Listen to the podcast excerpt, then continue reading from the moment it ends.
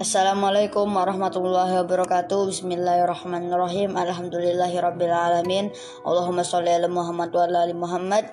Ketemu lagi dengan saya Muhammad Ikhwan level 3 Flexi School Kasuper Kali ini aku akan membacakan cerita yang berjudul Nelayan Meksiko Yang diambil dari buku Membuka Pintu Hati karya Ajan Brown Di sebuah desa nelayan Meksiko yang tenang Seorang Amerika yang sedang berlibur melihat seorang nelayan setempat baru saja pulang dari melaut pada pagi hari. Si Amerika, seorang profesor sukses pada sebuah perguruan tinggi bergengsi di Amerika Serikat, tidak tahan untuk tidak memberikan sedikit ujangan gratis kepada si nelayan Meksiko. Hai, siapa si Amerika?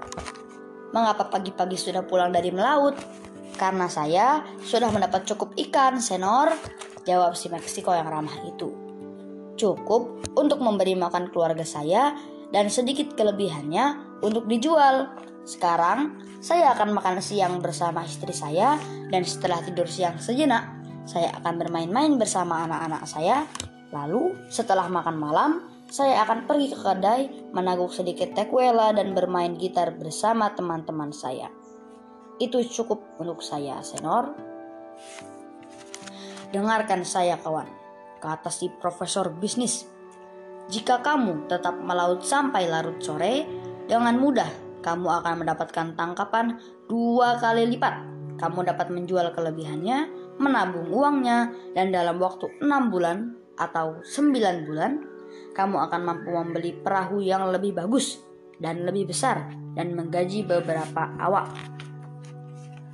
Kemudian, kamu akan mampu menangkap ikan empat kali lebih banyak.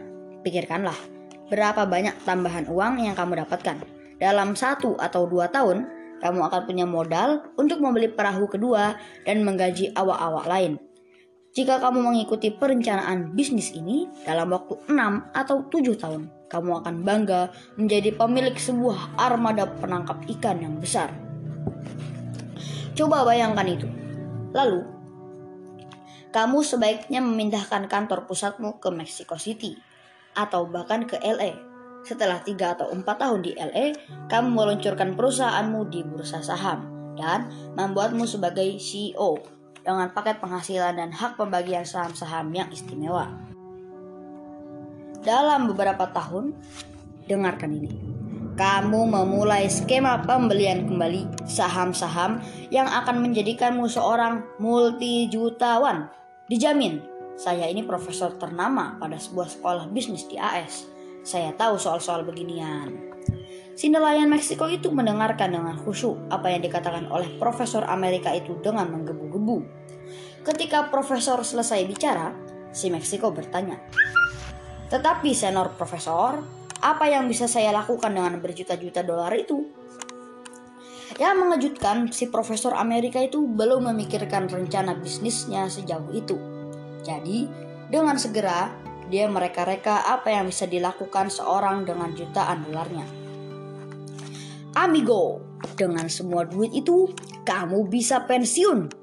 Ya, pensiun seumur hidup kamu bisa membeli sebuah villa kecil di sebuah desa nelayan yang indah seperti ini dan membeli sebuah perahu kecil untuk pergi memancing pada pagi hari.